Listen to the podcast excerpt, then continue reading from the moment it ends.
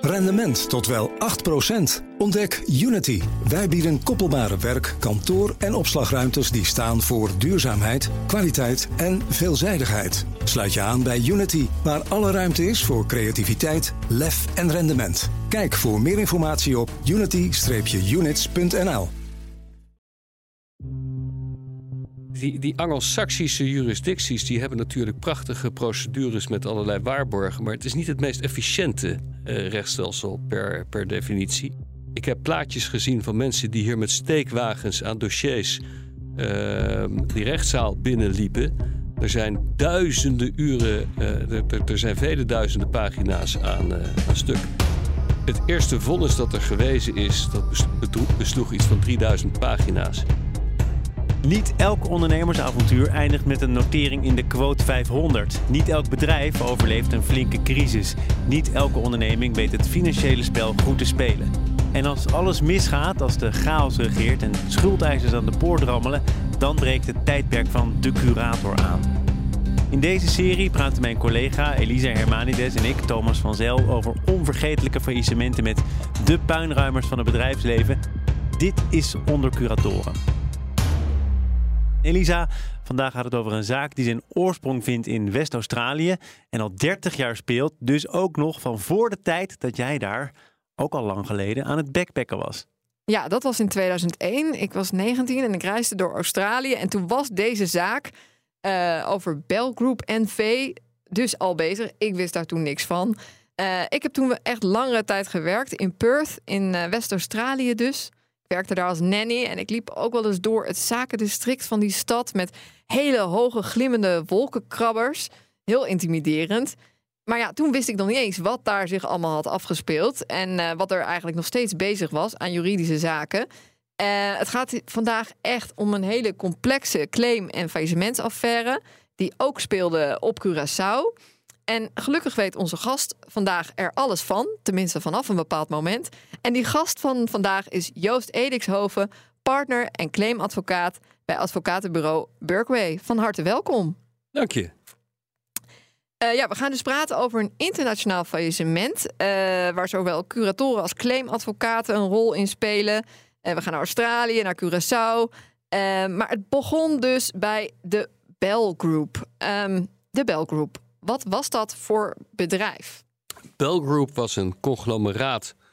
Uh, was opgezet door een zekere Alan Bond. Dat was een nogal controversiële, in ieder geval zeer bekende mediafiguur in uh, Australië op dat moment. Um, en dan hebben we het inderdaad over de jaren 80. En tegen het eind van de jaren 80 kwam die Bell Group die kwam in zwaar weer te verkeren.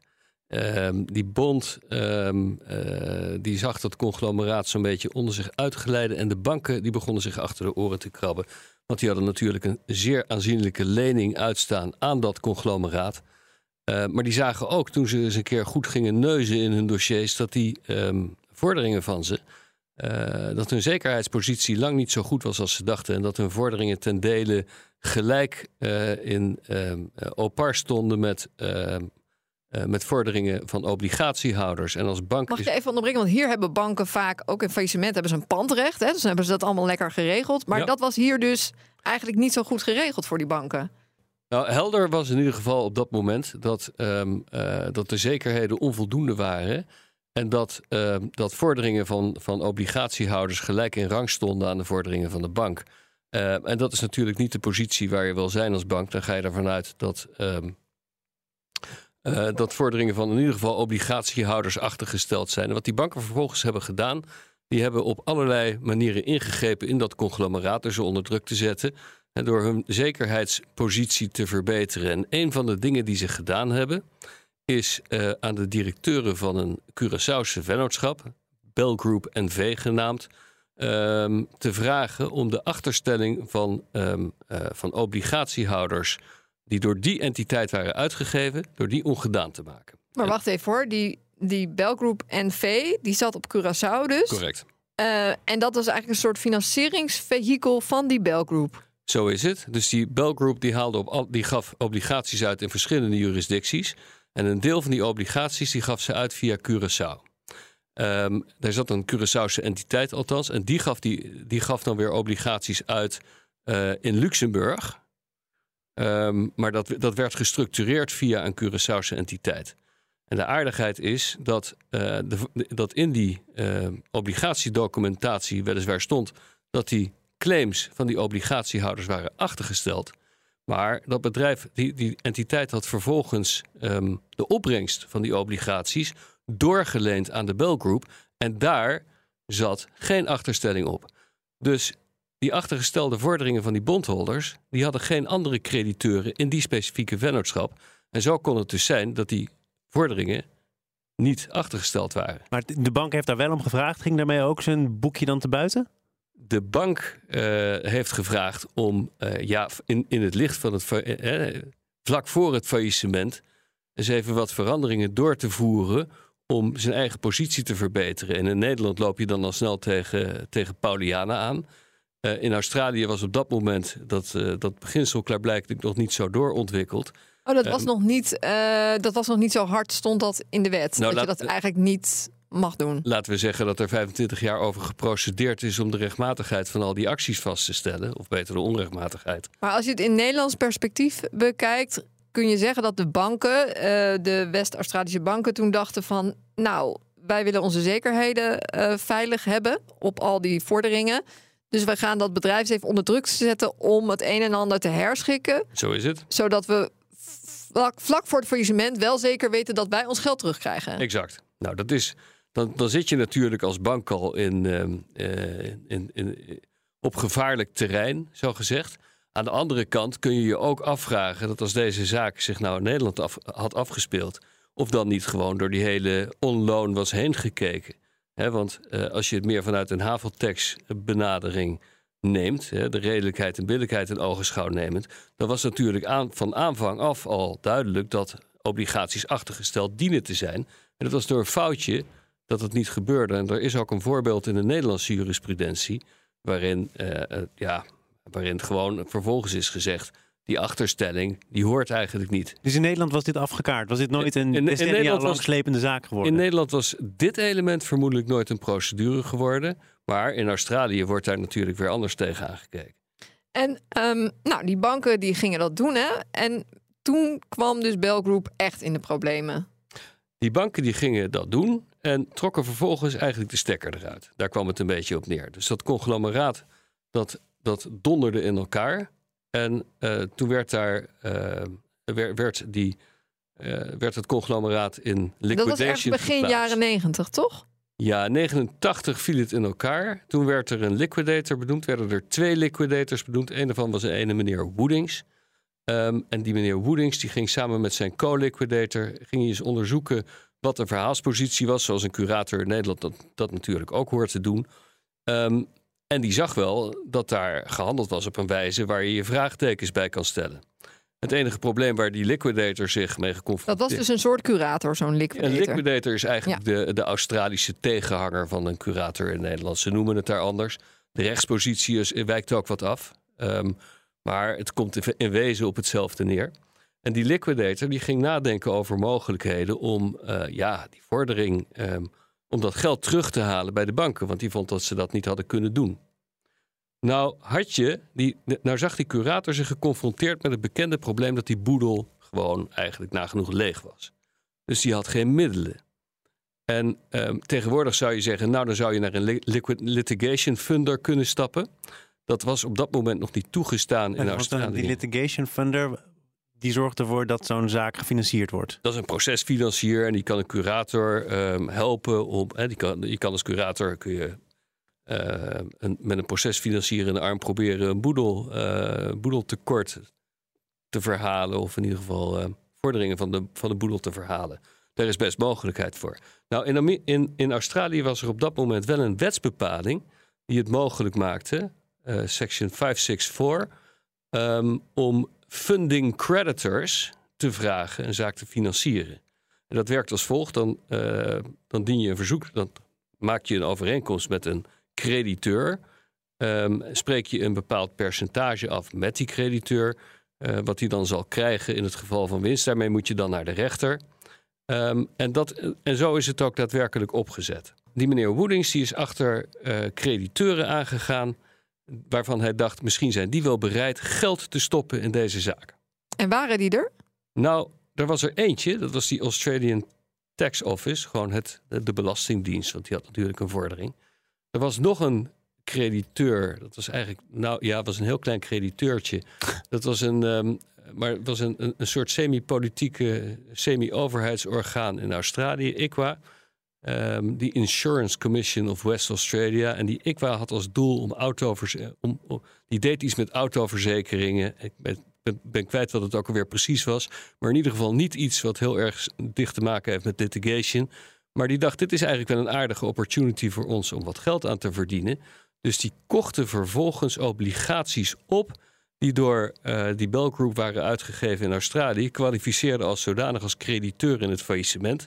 En is uit dien hoofde litigation, uh, die, die litigation gaan financieren. Maar dat was meer een beetje een soort avontuur. Dus. Nou ja, voor, een, voor een semi-overheidsinstantie kun je je afvragen of dat nou de meest, uh, de meest reguliere tak van sport nou, is waar je in die vraag, begeven. Die vraag stel je omdat jij daar bedenkingen bij hebt, denk ik dan. Nou ja, ik kan me zo voorstellen dat dat niet helemaal strookt met de doelomschrijving van je.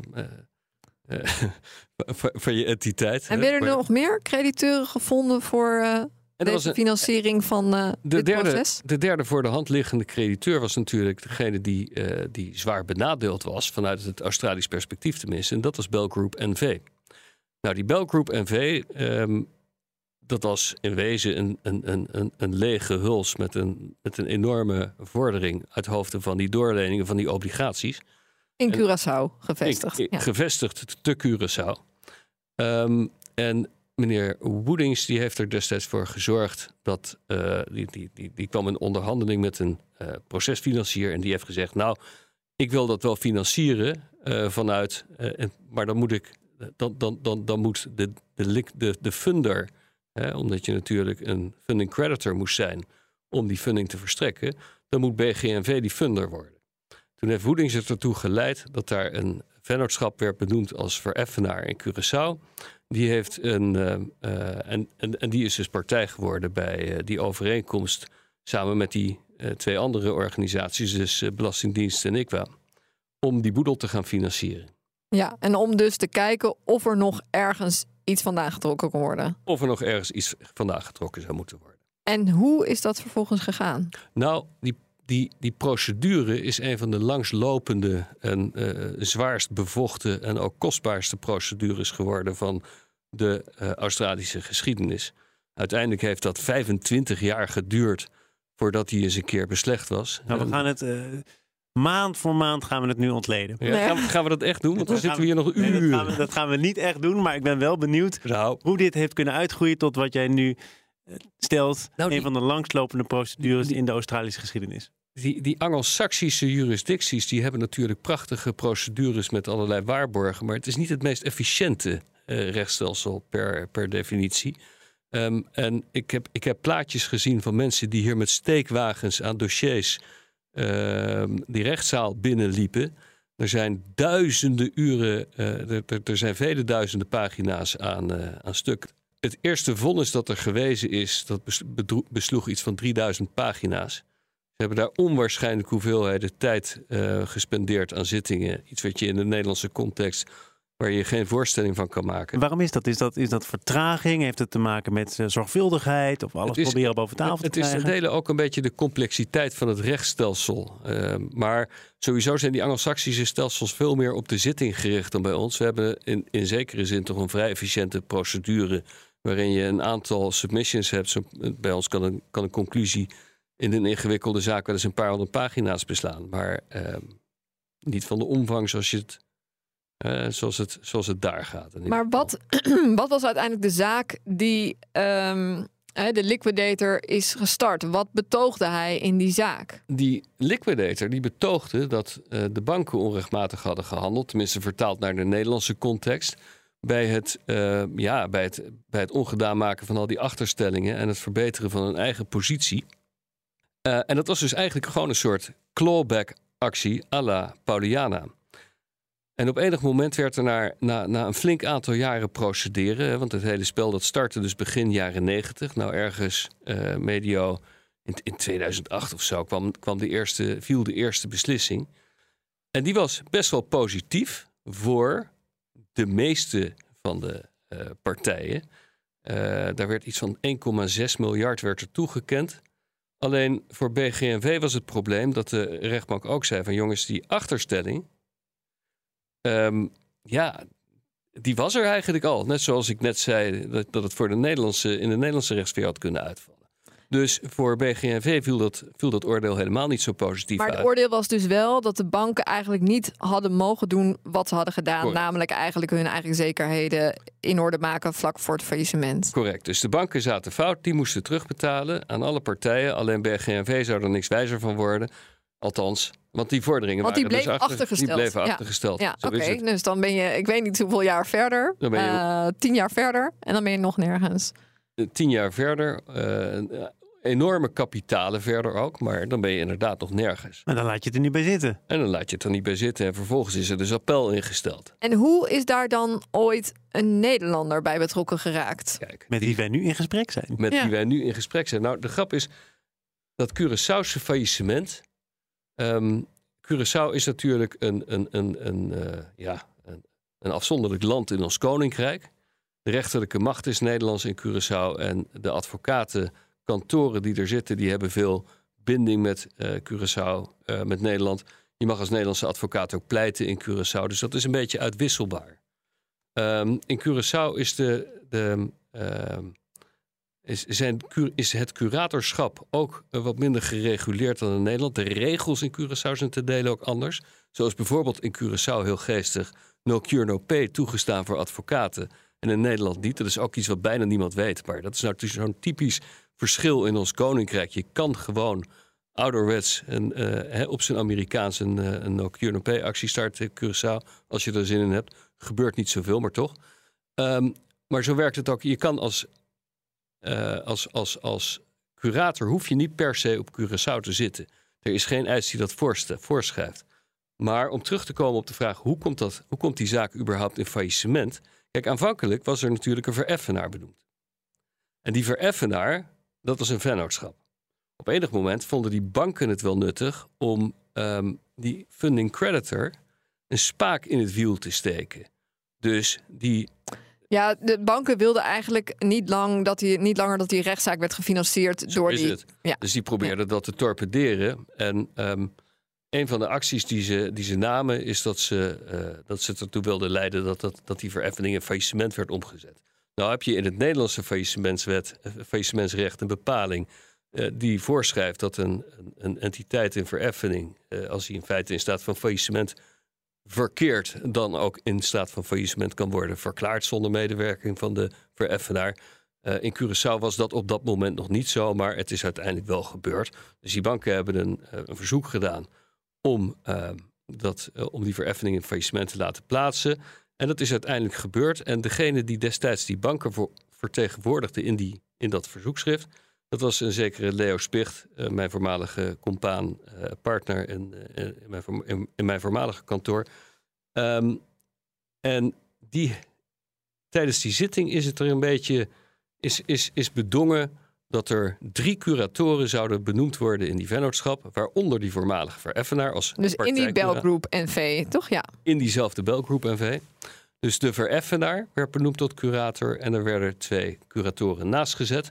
En dat waren meester Spicht en meester Meter. Um, dat was destijds een curator van DAF, een andere grote faillissementen. Bekende figuur in, uh, in, uh, in insolventieland destijds. Maar we spreken ook alweer over lange tijd geleden. Ja, want ik hoor hier nog niet de naam Edix over voorbij komen. Nee, nee mijn hoedanigheid is dat ik, um, dat ik heel lang met Leo Spicht heb samengewerkt. En dus uh, ja, op enig moment in dat faillissement betrokken ben geraakt. Maar niet als curator. Nee. Maar als Precies. advocaat. Maar als advocaat, zo is het. Die curatoren raakten toen betrokken. Wat gingen zij toen doen met uh, Belgroep NV? Die curatoren die hebben toen gezegd: Goh, er ligt daar een procesfinancieringsovereenkomst. Wat vinden we daarvan? Um, en erg veel ruimte om hem uh, uh, compleet te reviseren was er niet, want het ding was nou eenmaal rechtsgeldig. Uh, maar ze hebben wel gezegd: we moeten er hier en daar wat aan schaven. En er moet een mogelijkheid komen voor andere obligatiehouders in het faillissement om uh, op de gelijke voorwaarden als deze funding creditor, hè, als deze, uh, deze, deze financier, mee te participeren um, Ja, Die willen en- ook hun geld terug. Die willen ook hun geld terug. En, en bovendien, ja, eh, je, je moet iedereen gelijke voorwaarden bieden. Dus die mogelijkheid werd opengesteld. Maar goed, dat was wel in een periode dat er al lang geprocedeerd was. Dat uit de verslagen ook wel bleek dat daar veel geld in was verbrand. Ehm, en mensen hadden daar geen zin in. Er waren geen concurrerende obligatiehouders die dachten... dat is een wespennest waar ik mijn hand wel in wil gaan steken. Dus de situatie bleef verder relatief ongewijzigd. Eh, met die verstande dat de, de, de financials van die overeenkomst wat anders uitvielen. Ehm, en er is doorgeprocedeerd. Want Belgroep NV was nog steeds achtergesteld. Bell Group NV was nog steeds achtergesteld. Dat was die beslissing in eerste aanleg Ja. waar, waar we het over hadden. Nou, toen kwam er uiteindelijk een appel. Ehm, en in dat appel, dat, dat heeft weer jaren geduurd. Een appel is een volgende stap in de zaak. appel, een, een, ja, een appeal zou je, zou je moeten zeggen in Australië eigenlijk. Een hoger beroep van die beslissing van die Australische rechtbank in eerste aanleg. Ehm, en in dat hoge beroep ging de zaak dus om ten nadele van de banken. Dus de banken moesten nog meer betalen. De vorderingen van BGNV waren niet langer achtergesteld. De totaal toegewezen vordering die liep tegen de 3 miljard Australische dollars. Er stonden vrij akelige boeterentepercentages op. En wat is de reden dat de verhouding zo anders lag in hoger beroep? De rechtbank had er gewoon een ander oordeel over. Het was een 2 tegen 1 beslissing. En eh, nou ja, twee van die rechters die vonden toch dat je naar de letter van, eh, van de contracten moest kijken. En niet naar, niet naar de geest, zoals wij in Nederland toch iets meer gewend zijn te doen. Dus die achterstelling eh, die viel er vanaf. En dat, ja, dat verbeterde dus enorm de positie van, eh, van BGNV. En ja, de obligatiehouders natuurlijk, die de crediteur waren van BGNV. Want die hadden uiteindelijk, dat waren de uiteindelijk gerechtigden naast de financier. Maar ehm, dan zou je denken, dan krijg je geld, toch? Eh, Of krijgt Belgroep NV eh, geld en de, cre- de crediteuren daarvan? Nou, de die- obligatiehouders, sorry. Degene die het eerste geld kreeg, hè, dat was natuurlijk het, het, het grote faillissement in, ehm, in Australië. Van de Bell Group als zodanig. Daar stroomde dus inderdaad een bedrag van een kleine 3 miljard. Ik, ik, ik, ik vergeet een belangrijke tussenstap. Ehm, er, was een, er was 3 miljard toegekend. Ja. Ehm, maar uiteindelijk gingen natuurlijk die banken ook weer in, eh, in appel. In, in, in, in, eh, die, die, die, stelden, die gingen naar de Hoge Raad van Australië, de, super, de High Court. Ja. Ehm, Dat is ongeveer de laatste halte, denk ik zo, dat, toch? dat, is, dat is de laatste halte van het, van het eerste probleem wat we bespreken. Want vervolgens gingen die, hè, die eh, in, in het kader van, het, van zeg maar die cassatie van, eh, van de banken, is er een schikking getroffen. En die mondde erin uit dat er een bedrag van eh 1,7 miljard uit mijn hoofd Australische dollars betaald zou worden aan al die entiteiten. Dat bedrag dat vloeide naar meneer Woedings, De liquidator. de liquidator. En die had toen natuurlijk de nobele taak om dat geld te gaan verdelen onder alle crediteuren. Waaronder de drie funding bondholders. En dan zou je zeggen, dat gaan we dan maar eens doen, want iedereen zit op zijn geld te wachten. Maar er Ja. zat daar nog een addertje onder het gras. En dat addertje, dat was dat ICWA, die weliswaar een belangrijk deel van die financiering op zijn, voor zijn rekening had genomen, er geen rekening mee had gehouden dat zij haar vorderingen ook uit obligaties had. En dat die obligaties wel achtergesteld waren. En dat als je de wet strikt toepast, ja, dat geld van ICWA eigenlijk in de grote boedel zou moeten vallen en vervolgens verdeeld zou moeten worden over alle overige crediteuren van die Bell Group, waaronder natuurlijk weer BGNV in, in, eh, in, in Curaçao, maar ook al die andere, zoals de Belastingdienst. En je had er nog zo'n zooitje.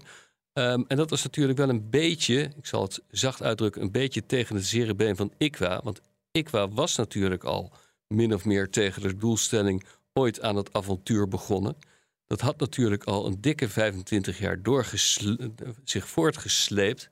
Ze hadden daar in totaal eh, bijna 200 miljoen Australische dollars in gestopt.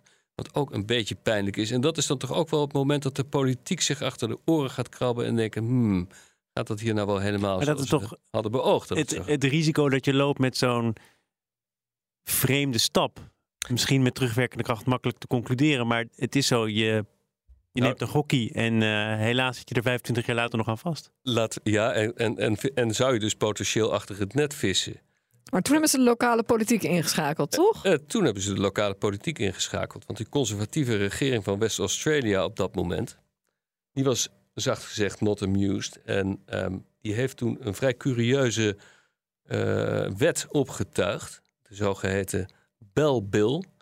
Ehm, en die kwam erop neer dat, er een, eh, dat, dat die hele opbrengst in essentie genationaliseerd zou worden. De Dat boedelopbrengst. de boedelopbrengst, gewoon het hele actief van de Bell Group, wat daar op die rekening van Woeding stond, dat er daar een government-appointed eh, agent eh, aangewezen zou worden.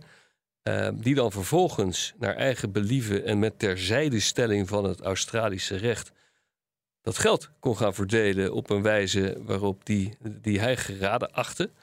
Ehm, en er stond ook een nogal curieuze bepaling in dat als je je daartegen zou verzetten, dat je dan toch wel het risico liep van gevangenisstraf. Maar dit, dit is toch ook een beetje een rare manier van politiek... waar je zo je vraagtekens bij kan zetten. Nou ja, ik heb wel eens gehoord hoe, hoe, hoe lokaler je komt, hoe gekker het wordt. Eh, dit is daar misschien een voorbeeld van, maar het is in ieder geval niet een stap die je van een land als Australië zou verwachten. Het zit toch nog een beetje, beetje in, in, in, in, in het setje van eh, westerse democratieën. Dit verhoudt zich daar inderdaad. Dus jij bent ook eh, enkele keren met stomheid geslagen gedurende dit hele traject. Ja, absoluut. Nou ja, met name, eh, met name het idee dat je als advocaat een, eh, probeert je te verzetten tegen een stap die ergens wordt ondernomen, dat je dan het risico vliegt eh, om, om vervolgd te worden. Dat is iets, nou ja, eh, de- daar was, niet, was niet alleen ik met stomheid over geslagen, maar dat gold eigenlijk voor iedereen die zich tegen die zaak aan bemoeide, zowel op, eh, eh, in Australië als, eh, als in Nederland.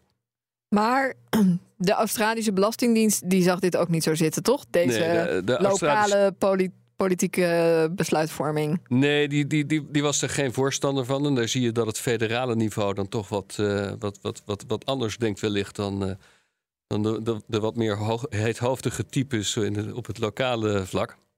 Eh, maar dat leidde natuurlijk tot, eh, dat, dat werd natuurlijk wel degelijk ge- eh, bestreden.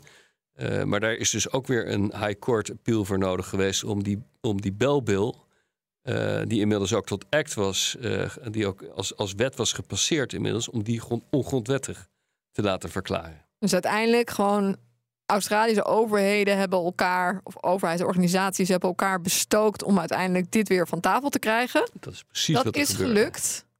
En toen? Nou ja, toen kwam uiteindelijk. Toen kwam uiteindelijk, eh, en daar, daar hebben we het over een paar jaar geleden. En het hele spel dat startte natuurlijk ergens in, nou, eh, in, in, in, in 93 of zo. Ehm, dat was in ieder geval de faillissementsdatum. Ehm, ja, toen, toen kwamen we eindelijk, uiteindelijk toe aan een distributie van die middelen. Maar toen zat er nog, nog een addertje onder het gras. Want ehm, dat geld dat moest natuurlijk naar die eh, obligatiehouders toe. Ehm, maar die obligatiehouders van BGNV die zaten met een, eh, met een trustee eh, voor hun obligaties. Die van mening was dat geld van, eh, van obligatiehouders die niet kwamen opdagen, dat hij dat tot in de eeuwigheid onder zich zou houden. Terwijl je zou zeggen, na 30 jaar zou je ondertussen misschien wel weten wie er nou wel en wie er niet actief zijn en wie zich wel en niet aanmelden. En dan is het niet heel praktisch om zeg 30, 40 procent van de opbrengst ergens in perpetuity op een rekening van een kantoor in Londen. Want, want te over, over zulke percentages praat je wel. Ja, ja, daar dat is behoorlijk, het wel over hebben, precies. Maar dat maakt nog wel uit. Hè? Als je minder hebt om te verdelen onder veel mensen, Zo dan krijgt iedereen minder. En dat heeft er dus ook weer toe geleid. Daar stonden curatoren overigens buiten. Maar dat obligatiehouders wel actie hebben ondernomen om, ehm, om zeg een, een wissel van de, van de trustee voor die obligaties. eh, Oh, te je, dan, dan vervang je de trustee. Dan vervang je uiteindelijk de trustee. Ja, dat is natuurlijk niet iets waar je als curator eh, een, een belang bij hebt of je tegenaan bemoeit. Maar dat is uiteindelijk wel wat er in die zaak gebeurd is. Ehm, Heb je het probleem ook opgelost? en dan is het probleem ook opgelost. Maar zo heeft dat belfaillissement in ieder geval. Nou ja, ik meen dat het in april van dit jaar eindelijk is afgesloten. Ehm, Maar dat is niet iets eh, wat jij nog nauwlettend in de gaten houdt. Je, spot het een beetje. Nee, nee, ik, ach, eh, april nee, dit hoor, jaar nee. volgens mij. Ik, ik zeg nu uit mijn hoofd is het in april, eh, maar ik ben er wel bij betrokken geweest. Maar hoeveel, uiteindelijk heb ik begrepen, is er 618 miljoen Australische dollar beschikbaar gekomen Iets, ja, ja iets, iets, iets in die grootorde. Ja, voor eh, de NV, voor de Belgroep voor de NV. boedel. Ja, Zo is het. en hebben zeg maar alle advocaten die daar aan hebben gewerkt dan uiteindelijk hier nog iets aan verdiend op die manier? Nee, advocaten werkten. Nou ja, de, no cure no pay voor advocaten is verboden. Het is uiteraard ook verboden voor curatoren. En als je dan als kantoorgenoot van een curator werkt in, in of met een zaak, dan geldt, dat, dan geldt daar niks anders. In Australië ook niet. Eh, dit is meer het concept van litigation funding. Eh, wat je wel, ehm, waar deze zaak wel, ehm, wel geestig voor is, is dat je hier een eigenlijk een soort van eerste litigation funding zaak ziet, in ieder geval in de Nederlandse rechtssfeer, maar ik denk ook in Australië op dat moment. Want zo, zo gangbaar was het toen nog niet. Litigation funding, procesfinanciering is iets wat in die tijd gewoon nog als niet toelaatbaar werd gezien. En dat was uitsluitend door, dat, door die wetsbepaling die ze daar hadden, die S564, dat het daar wel kon langs die band. Inmiddels is het, wordt, dat, wordt het hele artikel al jaren niet meer gebruikt omdat procesfinanciering gewoon toelaatbaar is geacht in, in elke setting ook. In al die Anglo-Saxische jurisdicties, maar ook bij ons. En eh, die 618 miljoen euro, die is dan verdeeld over al die eh, obligatiehouders? Of hoe is dat nou ja, daar, heeft, daar is natuurlijk een flinke afslag eh, gegaan naar die procesfinancier. En het restant is uitgekeerd aan de bondholders naar rato van hun belangen. Ehm, en eigenlijk is die verdeling ehm, van het geld, die, die, die, die voert helemaal terug op die initiële eh, overeenkomst die Woodings gesloten heeft met, ehm, met zijn, laten we zeggen, funding creditors. Ja. En gelet op het extreem hoge risico van die zaak hebben ze toen gezegd dat de opbrengst voor eh, funding creditors eh, twee derde zou moeten zijn van het, van het totaal. Zo. Dus dat, zijn, dat is wel een wat ander percentage dan je tegenwoordig in, in litigation funding tegenkomt. Hè. Die markt die heeft zich natuurlijk ook ontwikkeld. Maar je moet denk ik eigenlijk. Want wat is nu dan gebruikelijk? Nu zie je, ja, het, het, kijk, dat, eh, dat is ook weer zoiets. Ehm, het is moeilijk te zeggen wat gebruikelijk is, omdat het helemaal van de zaak afhangt.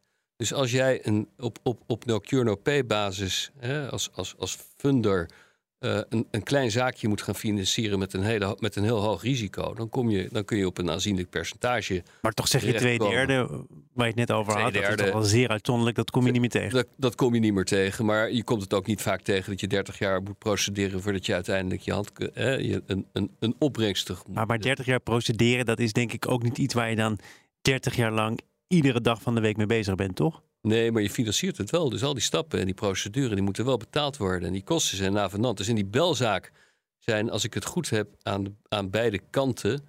eh, iets van 500, is, is er iets van 500 miljoen Australische dollar verbrand.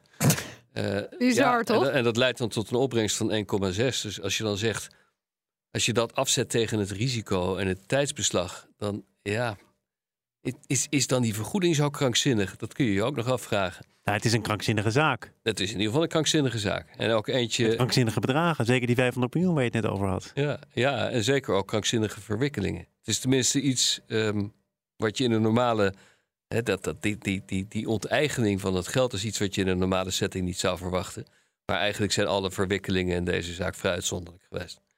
En hoe kijk jij eh, er nu op terug? En ook op je eigen nou, rol die je op een gegeven moment begon te spelen? Ik, eh, ik, ik- ik ben van de ene verbazing in de andere ge- gevallen. En, ehm, maar ja, ik, het, het, het, het is een prachtige. eh, een, een- het, is, het is een heel bijzonder proces om te volgen, laat ik het zo zeggen. Nou, wat, eh, me, wat me opvalt als je er nu zo over praat. We komen hier ook wel eens eh, mensen tegen die dan heel erg lang ergens mee bezig zijn. En dan gaat het niet hun kant op. Of dan gaat frustratie een rol spelen. Maar bij jou zie ik meer verbazing. Nou ja, kijk, het, het leven is, is, is vol verbazingen. En als je het een beetje weet te genieten, dan is dat misschien ook wel een deel waar, de, waar het plezier uit Nee, voort. dat snap ik wel. Maar je hebt het over iets wat 30 jaar lang zich heeft voortgesleept. Dan komt er toch ook een punt dat je denkt: kom op nou zeg. Ja, zeker. Nee, op enig moment eh, eh, is het wel goed. Hè? En dat punt dat leefde bij ons natuurlijk ook al heel lang. Maar goed, zo'n zaak die, die sleept zich door dit soort verwikkelingen door. En als dan. Maar het, is, het heeft ook een, een zekere hilariteit dan. Dat, Nou, het zo, dat is het. Ja. Als zo'n overheid dan zegt: jongens, ik vind het niet eerlijk. En als een klein kind gaat hij dan maatregelen nemen waarvan je a priori kan zeggen: jongens, dat gaat hem toch nooit worden. Ja, eerlijk gezegd. Nou, ze hebben nog best lang Dan, dan, eh, heeft, dat, volgehouden. dan heeft dat Ja. een hoge vermakelijkheids. eh, nee, maar ik bedoel dan die Ja. onteigening. Ja, dat, dat, dat proces duurde uiteindelijk niet zo lang. Maar Oh, zijn wel gelukkig. dingen waarvan je denkt: jee, Op de, op, de hele, op de hele periode duurde dat stukje dus niet zo lang. Zo is het. Dank, Joost Edixhoven, partner en claimadvocaat bij Birkway. Dit was Onder Curatoren. Wil je meer gesprekken horen met de puinruimers van het bedrijfsleven? Abonneer je dan via jouw eigen podcastkanaal of via de app van BNR. Luister vooral ook de vorige aflevering, waarin een tipje wordt opgelicht van het faillissement van e-bike-fabrikant Van Moof. Dankjewel voor het luisteren.